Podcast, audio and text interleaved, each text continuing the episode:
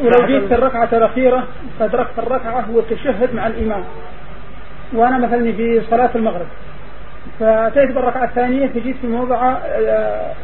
تجلس التشهد تجلس أجلس تجلس بعد الركعة الثانية أيوه بعد الشهاد الأول ثم تقوم تأتي بالركعة الثالثة بفاتحة